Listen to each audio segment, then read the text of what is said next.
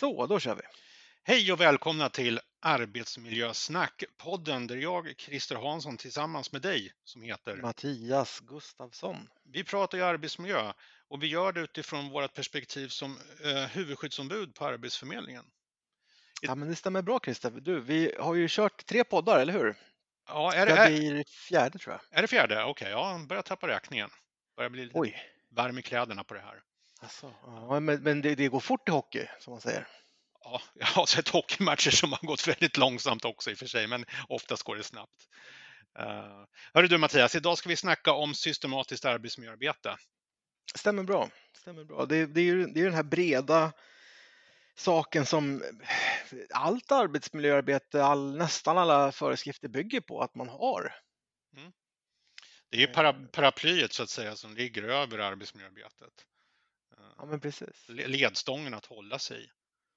Men du, för systematiskt arbetsmiljöarbete i grund och botten otroligt enkelt, men, men eh, allt som oftast väldigt svårt eller inte utfört. Det, jag kan tycka det där är lite, undrar, alltså, vad är det som gör att det blir så, Christer, tror du?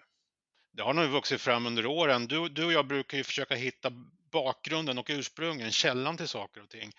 För det är först då vi förstår och kan applicera det i den här komplicerade tillvaron vi är i nu. Eh, och en gång i tiden så bedrev man väl inget arbetsmiljöarbete överhuvudtaget. Och eh, arbetarna tog ju skada av det. Man, man gjorde sig illa och man dog på sitt arbete. Och eh, arbetsmiljöarbetet eh, är, ju, är ju någonting som är instiftat för att skydda eh, arbetare mot eh, att skadas, få sjukdomar och till och med dö på sitt jobb. Då. Eh, och där någonstans också så föds ju det här att man inte bara ska åtgärda det som har hänt, så att man först då åtgärdar, utan eh, vi ska kunna förutse vilka faror det finns på arbetsplatsen, på jobbet och eh, kunna förebygga och sätta in åtgärder innan det händer någonting. Då. Och det, är den systematiken, alltså det här ska vi göra systematiskt, det kan inte heller ske slumpmässigt utan vi måste ha en systematik i det här. Och jag, jag tänker också, också då, jag brukar skapa en bild av en liten arbetsplats, det blir mycket enklare då att förstå hur det ser ut innan jag sen aggregerar upp det på en, en stor organisation. Men du, om jag, för ett, ett, om jag stannar dig där och tänker så här, ja men komplicerat, i den komplicerade värld vi lever i, är vår värld så komplicerad? Är det, är det inte det liksom mer bara, du går upp, äter frukost, går till jobbet, jobbar, går hem? Jo, Är det inte i grund och botten så enkelt? Eller vad är det som gör att det blir komplext? Ja, men det, jag tror att det handlar väldigt... Det, ja, men idag, så- alltså ska man sätta sig in i systematiskt arbetsmiljöarbete, då, då börjar jag på Arbetsmiljöverket. De har ju väldigt bra information om det här. Alltså där kan jag läsa mig till vad det är för någonting och kan direkt därefter börja jobba i det systematiska arbetsmiljöarbetet. Det finns ju jättemycket stödfunktioner. Sen kan jag ju googla på SAM, på systematiskt arbetsmiljöarbete. Det finns massor med aktörer som har gjort sina idéer och sina rutiner och sina checklistor det finns väldigt mycket information och instruktioner om systematiskt arbetsmiljöarbete. Så det, det blir nästan en, en disciplin inom arbetsmiljöområdet. Eh, så jag, jag skulle kunna besitta en hel dag och bara läsa om hur det ska gå till istället för att utföra det. Men För, för, ja, men precis, för jag tänker att just ibland kan man ju stöta på argumentet att vi, vi lever i, vårt arbetsliv är numera väldigt komplext. Eh, men systematiskt arbetsmiljöarbete är i grund och botten väldigt, väldigt enkelt. Eh, undersöka, alltså vara nyfiken på, ta reda på vad i verksamheten är klurigt, vad är svårt, vad, är, vad finns det för risker, finns det någon... eh, Och här hamnar man alltid, det är, i och för sig det är jäkla märkligt kan jag tycka. Man hamnar alltid i exemplet, är mattkanten, står den upp eller ligger den som den ska så att ingen kan snubbla på den? Mm. Men det, blir, det är ju de här symbolikerna man pratar om när man pratar om systematiskt arbetsmiljöarbete. Men likväl som man kan prata om en mattkant, står den upp eller ligger den som den ska, så borde man ju kunna liksom närma sig perspektivet, hur mår du? Mm. Det är, ju, det är ju samma fråga egentligen, hur mår du mattan? Du, du ser ut, det ser ut som att du står upp lite grann där på kanten. Det är ju samma sak som att man ställer till en människa, hur mår du idag? Mm. Du Ja, ser men- lite loken ut liksom. Mm, Ja, men verkligen. Och det, är, en- det är enkelt om man tar den lilla arbetsplatsen. Det kan ju vara var som helst i arbetslivet. Eh, åtta medarbetare och en chef, de är nio stycken totalt. Eh, de träffas på morgonen och har en gemensam fika för att starta upp dagen på ett bra sätt och gå igenom vad som ska göras. Och då är det någon som räcker upp handen, mattkanten. Vi måste fixa den idag. Uh, vi snubblade på den igår, det, så här kan vi inte ha det. Ja, säger chefen, det fixar vi. Så får någon i uppdrag att fixa den här mattkanten. Då. Sen, sen kan den här chefen då, den har åtta medarbetare. Hur, hur mår ni idag? Eller till och med kan se att någon är lite hängig, kan säga åt den personen, du kom in på kontoret, kontoret för att snacka lite grann med dig. Och så reder man ut vad det är som gör att den här personen inte riktigt ser kapabel ut. Det kan men ju vara, om, det kan om vi pausar dig där lite. Ja. för, nej men för det, det jag tänker är jätteviktigt att konstatera, det du nu beskrev Christer, det är ju en undersökning. Ja, visst. Det är någon som har undersökt någonting. Mm. Och det här tror jag att man ibland missar eller inte tänker på. Men, men det är ju de här delarna som är de liksom viktigaste delen i SAM. Att konstant liksom förstå och undersöka sin omvärld. Vad finns det för risker? Vad ser chefen från det? Men det kan också vara medarbetaren som uppfattar att Kalle Karlsson inte riktigt är helt hundra idag. Mm. Ja, vi, absolut, vi, vi har ju ett medarbetaransvar och där inkluderar jag chefen som en medarbetare. På en arbetsplats så tänker jag så här, det är bara medarbetare där, det är grunden. Sen finns det några personer på en arbetsplats som har fått en arbetsledande funktion och då, då sätter man titel chef på det eller arbetsledare eller ledare. Men i grunden är alla eh, eh, medarbetare på företaget. Och det finns ett ansvar då inom arbetsmiljöarbetet att alla signalerar faror man kan se. Det finns ju en fara också att någon är lite hängig. Det, det funkar inte uh, så, i, i alla yrken. Ja men verkligen och här kommer också det här som, som eh, organisatorisk och social arbetsmiljö pratar om, socialt samspel, alltså att man har ett socialt stöd eh, också som, som resurs att jag som kollega kan se att du, det, är, det är lite småloket idag hos dig där, hur, hur är läget, hur, hur är det? Mm. Ah, det var en tuff natt eller eh, men jag har mycket just nu så jag känner mig lite stressad. Alltså bara den, en sån fråga i sig är ju en undersökning också som, där åtgärden kanske enkom är att man får berätta hur det är. Eh, så att det är ju det här, det är det här jag tänker på just att systematiskt arbetsmiljöarbete det är inte avancerat. Det är väldigt enkelt. Det, det, det, som du säger på det här lilla företaget, man har nog stenkoll på hur man mår, hur det är och så vidare det borde gå att lyfta upp till ett, till ett, större perspektiv också. Ja, men i den stora koncernen, i den stora myndigheten, i det stora företaget så kan man ju jobba med att ja, men vi består av, av små arbetsplatser, för det är ofta så man organiserar sig.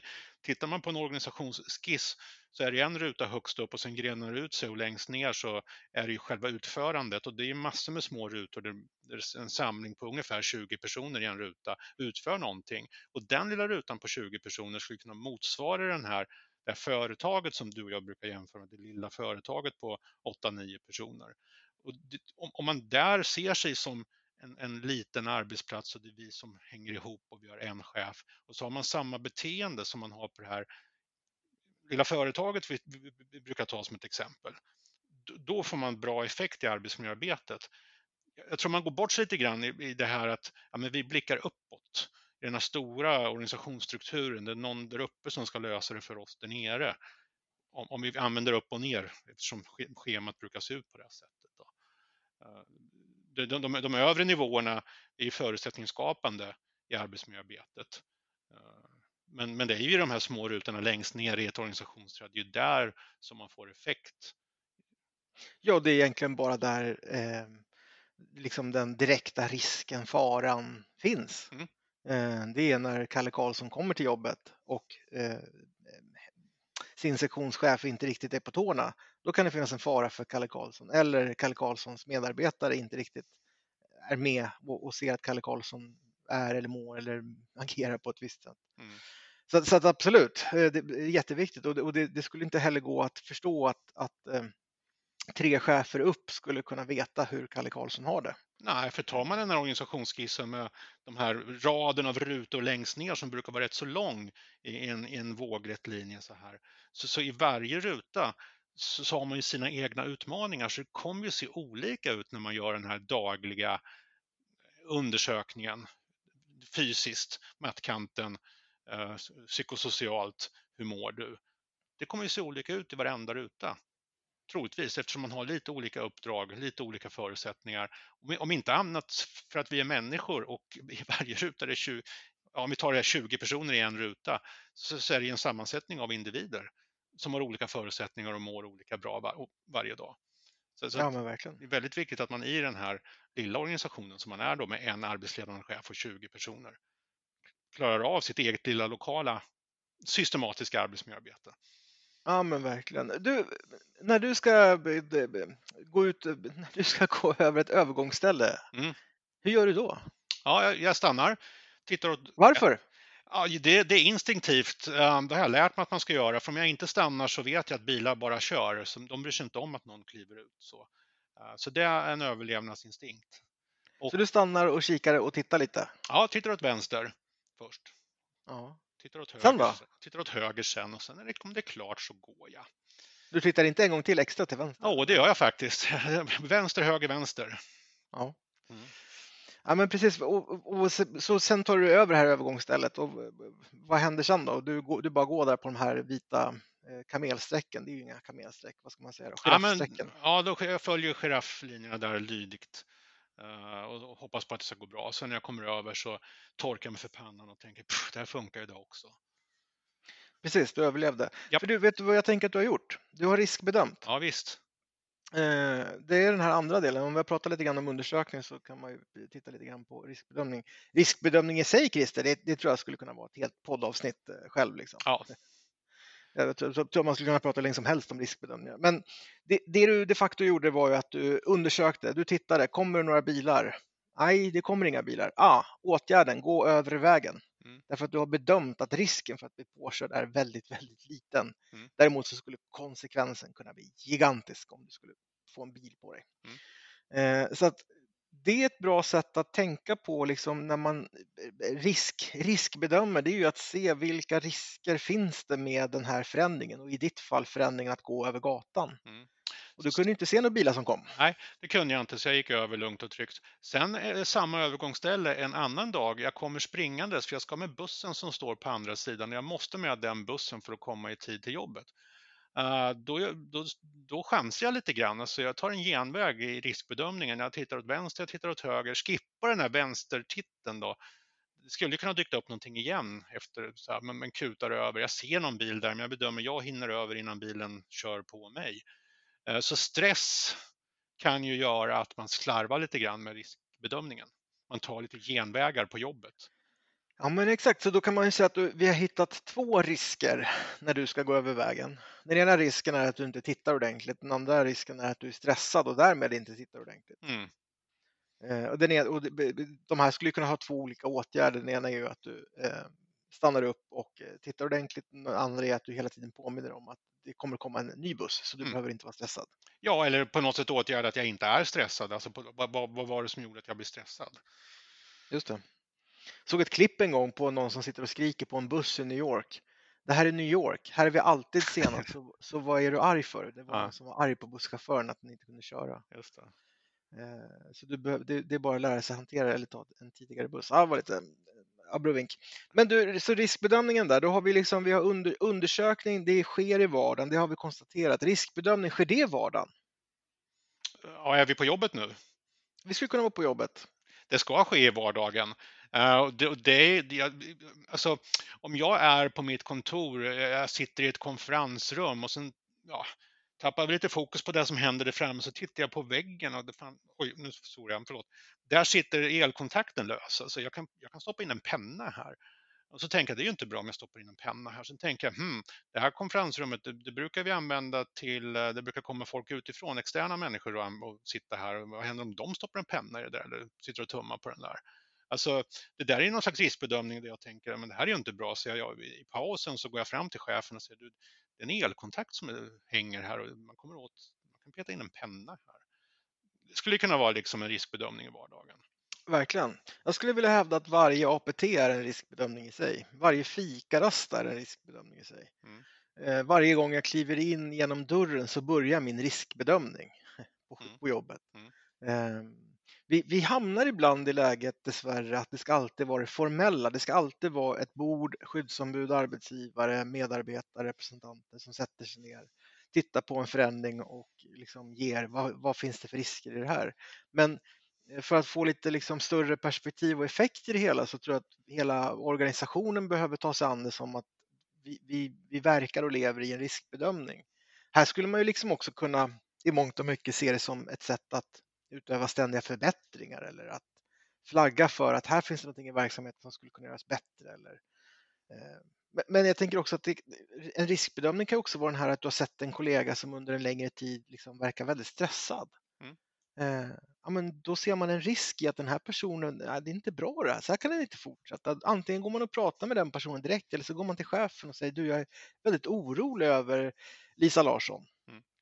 Det här, eller Kalle Karlsson eller Mohammed Ali. Alltså det, det, det, man, man, man gör det tror jag konstant undermedvetet fast man tänker inte på det som riskbedömare. Men det, det, är lite, det är lite så skyddsmekanismen på arbetsplatsen är uppbyggd på någon vänster. Mm. På en välfungerande arbetsplats i alla fall. Mm.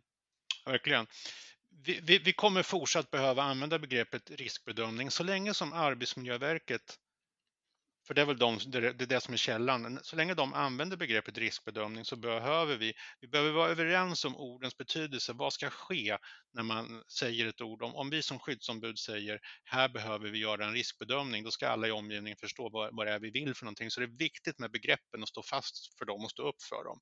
Och så länge som riskbedömningar är laddat och fyllt med att det är det här att se och anmäla risker, risker så måste vi göra. Men du sa någonting där som jag tycker är viktigt. Man kan väl man kan se det som ständiga förbättringar för det är det det är på riktigt. Det är ständiga förbättringar. Alltså riskbedömning lika med ständiga förbättringar. För det man gör det är att man ser någonting som inte är bra för verksamheten. För Det kan inte vara bra för verksamheten att någon blir skadad eller sjuk. Det, det kan inte vara så. Så att ser man en risk i verksamheten som skulle kunna få medarbetarna, människorna på jobbet att, att fara illa, då är ju den ständig förbättring.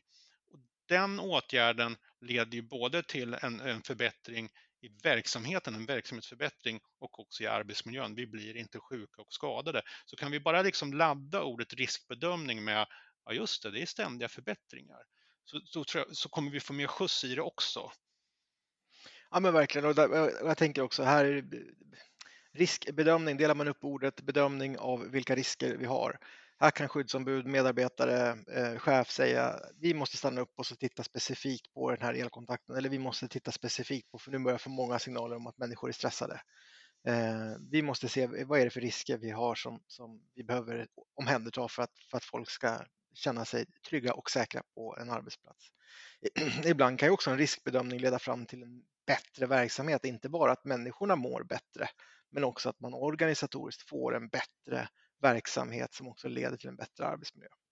Jag har alltid tänkt att det, så länge som människan mår så bra som den kan på jobbet så får man en bra verksamhet. För det finns, det finns extremen. Ta en, en produktion vilken som helst och så kommer inte människorna till jobbet. Du får ju ingen produktion. Det är liksom en extrem. Kommer de till jobbet och, och samtliga är hängiga, du får en medelproduktion. Kommer de till jobbet och mår tipptopp, att du får en bra produktion, du får också en bra innovation, alltså, de, alltså man är med och bidrar. Så att, alltså har man verksamhet så har man arbetsmiljö och vice versa. Det hör väldigt kraftigt ihop det här. Och fram, framgångarna då i det här, att både ha en bra verksamhet och ha en bra arbetsmiljö. Du, vi delar upp eh, ordet lite, tänker jag, systematiskt arbetsmiljöarbete. Mm. Systematiskt, det är ju någonting som inte sker på chans. Det är ju någonting mm. som sker förutbestämt och som sker återkommande, eller hur? Mm, ja, jag brukar leka med orden och vi ska ha systematiskt arbetsmiljöarbete, för vad vore av det omvända? Jo, det är ett osystematiskt arbetsmiljöarbete. Det är liksom ett random arbetsmiljöarbete. Arbete, det är ju någonting vi, vi, som du sa, när man automatiskt har verksamhet så har man förmodligen anställda som utför den verksamheten. Då har man ett arbete. Miljö, det är ju den eh, miljön som de här arbetarna befinner sig i. Mm. Eh, och allt det här ska, det är ett arbete. Eh, det är inte bara någonting man kan förlita sig på sker utan man måste lägga ner tid på att det här ska funka. Jag skulle ibland vilja hävda att man behöver lägga ner lika mycket tid på det systematiska arbetsmiljöarbetet som man behöver lägga ner på verksamhetsarbetet. Mm. Eh, det tror jag är en viktig balans att liksom ändå försöka se det som 50-50 och ibland kanske till och med fokusera. Jag tänker som sektionschef, en sektionschef bör ju fokusera nästan kanske 80 procent på det systematiska arbetsmiljöarbetet snarare än verksamheten. Ja men verkligen, för vi är nere i de här produktionsrutorna då i det här organisationsträdet längst ner eh, utan att värdera vad upp och, om upp och ner är bra, men längst ner i organisationsträdet så har vi de här rutorna som utför och eh, om då sektionschefen i det här fallet bedriver ett bra systematiskt arbetsmiljöarbete så får man ju väldigt bra produktion i, i den lilla rutan. Du, veckans fråga. Nu kan vi, införa, vi kan ha ett sånt tema, veckans fråga. Poddfrågan för idag. Ja, Hur mycket tid lägger du ner på ditt arbetsmiljöarbete? ja, Eh, och så behöver vi inte svara på det, men att den som lyssnar på det här skulle ju kunna ta sig en funderare på hur, hur mycket tid utav sina åtta timmar eller vad det kan vara per dag lägger man ner på det systematiska arbetsmiljöarbetet. Mm. Eh, du, vi- vi har två delar kvar i eh, SAM Mm. som vi inte har pratat om. Mm. Det är åtgärder och eh, kontroll och uppföljning. Mm. Eh, åtgärder, jag, tänk dig att du, du, ehm, du har tittat när du ska gå över vägen eh, och du ser att det kommer en bil. Mm. Men du skiter i det och går över ändå. mm, Det vill säga du skiter i åtgärden, du struntar i den. Mm. Eh, du har lagt ner mödan på att titta, du har lagt ner mödan på att eh, göra en fantastisk riskbedömning men sätter inga åtgärder. Mm. Eh, du har fångat upp att eh, Kalle Karlsson mår inte bra men du gör ingenting åt det. mm. Ja, då kan man strunta i det där, det där första tänker jag. Eh, Kanske lite kontroversiellt, men jag, det, det, är liksom inte, det finns ingen idé i att, att undersöka riskbedöma om man inte sätter åtgärderna. Jag är böjd att hålla med och det, min erfarenhet det är att det finns en väldigt stor entusiasm i, i riskinventeringen. Vilka risker har vi? Det orkar man oftast med eh, om man får, får ner riskbes, riskbeskrivningarna. Eh, och, och, så orkar man med också att eh, sätta det här sann, sannolikhet och konsekvens. Då. Där någonstans så, så brukar uppmärksamheten tappas och man är mer intresserad av, av någonting annat som händer i verksamheten. Så den här, det här förarbetet man gjorde, för jag ser det som ett förarbete, det, det blir liggandes någonstans då. Och eh, ja, i bästa fall får man till en åtgärd på någon av dem, men några rutor tomma och det säger man, vi tar det sen då. Här kommer vi garanterat tillbaka till just det här, hur mycket tid lägger man ner på det systematiska arbetsmiljöarbetet? För det det alltid faller på är tiden. Mm. Eh, Just som du säger att man, man upplever att man inte riktigt hinner med, att man inte får eh, utrymme eller ork att eh, ta det i hamn med åtgärderna också. Jag tänker att det är jätteviktigt att, att ge utrymme, ge tid för att det systematiska arbetsmiljöarbetet på riktigt ska ge effekt. Då kommer vi aldrig hamna i tidsnöd på en riskbedömning. Vi kommer aldrig hamna i tidsnöd på att sätta åtgärder. Eh, så att se åtgärderna, jag, och det är väl också eh, kanske lite tossigt, men liksom ställer vi en diagnos utan att ge medicin, ja, men då, vad, gav- vad var det för syfte med att ställa diagnos?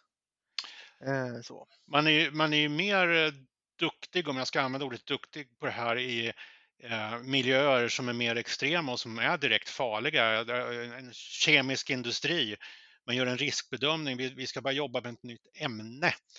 Och så gör man en riskbedömning, oj oj oj, det här ämnet får absolut inte komma i kontakt med de här ämnena som vi redan har i produktion. Vi, vi måste särskilja det, jobba med det i en annan byggnad.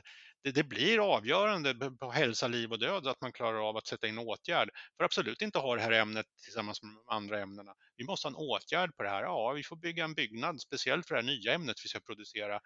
Och det får aldrig någonstans i produktionslinan komma i kontakt med allt annat vi har. För då kan det bli farligt.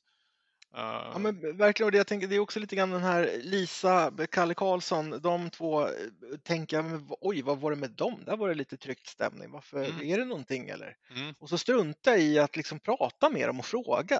mm, Ja, men då blossar det upp en jättekonflikt istället, istället för att jag direkt där och då la en åtgärd att gå och berätta eller prata och fråga. Är det någon, har, ni, har ni bråkat? Är det någon konflikt på gång? Vad händer? Eh, Så skulle jag bara låta det vara, då skulle det garanterat leda till en större konflikt än om jag hade agerat på en gång och satt Mm. en åtgärd. Ja. Så eh, men viktiga perspektiv. Du, sista delen, det är ju också den här uppföljningen, att förstå att åtgärderna har gett effekt. Mm. Eh, Jag går och pratar med Lisa och Kalle och efter ett tag kollar, du, hur är det nu? Har ni liksom hittat sätt som gör att ni bättre kan samarbeta eller är ni fortfarande lite grann på den taggiga nivån?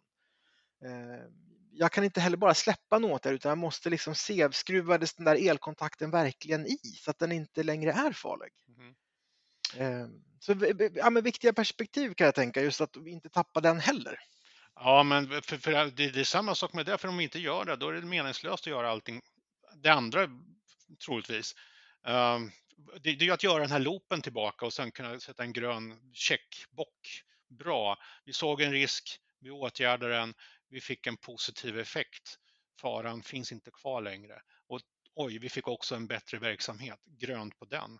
Eller tvärtom, vid uppföljningen, ah, vi fick inte full effekt, vi behöver göra någonting mer, det var någonting vi missade. Och så tittar man en gång till, just det, det var det där som skulle till också, ny åtgärd. Och så följer man upp, nu är vi i land, nu funkar allting som det ska, nu mår medarbetarna bra, nu har vi en bra verksamhet. Den sista delen i, i, i systematiskt arbetsmiljöarbete, just den här kontrolldelen, det är också i mångt och mycket början på undersökning för att på nytt gå in i, i riskbedömning, åtgärd och kontroll. Mm. Därför att upptäcker vi att den här eh, eldosan inte är iskruvad, ja, men då har vi ju undersökt och förstått att den är inte iskruvad. Då måste vi åtgärda den där. Eller har vi förstått att Kalle och Lisa fortfarande har eh, taggarna utåt och inte riktigt är kompatibla med varandra. Ja, då har vi undersökt på nytt i vår kontroll och behöver sätta då ytterligare åtgärder för att se till att det inte funkar. Så det, är ju, det är ju den här klassiska loopen som man ser i många bilder när man tittar och googlar på systematiskt arbetsmiljöarbete som kommer upp. Det går runt liksom. Ja, men varje dag på jobbet är en härlig dag på jobbet med systematiskt arbetsmiljöarbete som finns med som en ingrediens. Du, det är många delar eh, i systematiskt arbetsmiljöarbete som vi inte pratat om. Rutiner, mål eh, och allt vad det kan vara. Eh, och som vi, som vi sa innan också, riskbedömning skulle man kunna ha en alldeles egen eh, poddavsnitt kring.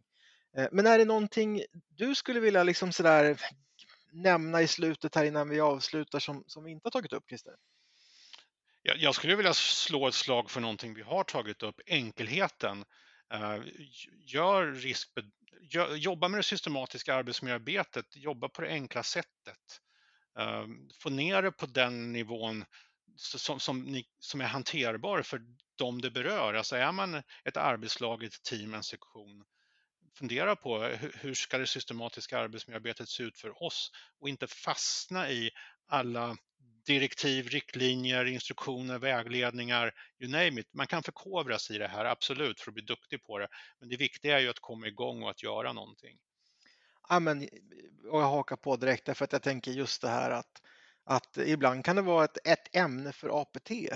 Hur vill vi ha vårt systematiska arbetsmiljöarbete? Ja, men jag, vill, jag som chef vill att ni direkt kommer till mig om ni ser någonting. Sen kan vi fylla i incidentrapporten. Eh, jag vill att ni som medarbetare hjälper och stöttar varandra och ser ni någonting så har ni handlingsutrymme att åtgärda det direkt. Ehm, jag tänker också att skyddsombud, chef, jätteviktig dialog att sätta sig ner och prata om vad innebär systematiskt arbetsmiljöarbete för oss här på sektion 3 eller enhet 2 eller vad det än kan vara. Ehm, och det är där man tar avstampet i det systematiska arbetsmiljöarbetet, när man börjar tillämpa det där man är. Det är då det blir enkelt, skulle jag vilja hävda. Mm. Men du, stort tack Christer för att vi har haft ett litet snack, ett arbetsmiljösnack om systematiskt arbetsmiljöarbete. Tack själv Mattias, jättekul att prata om just det här ämnet.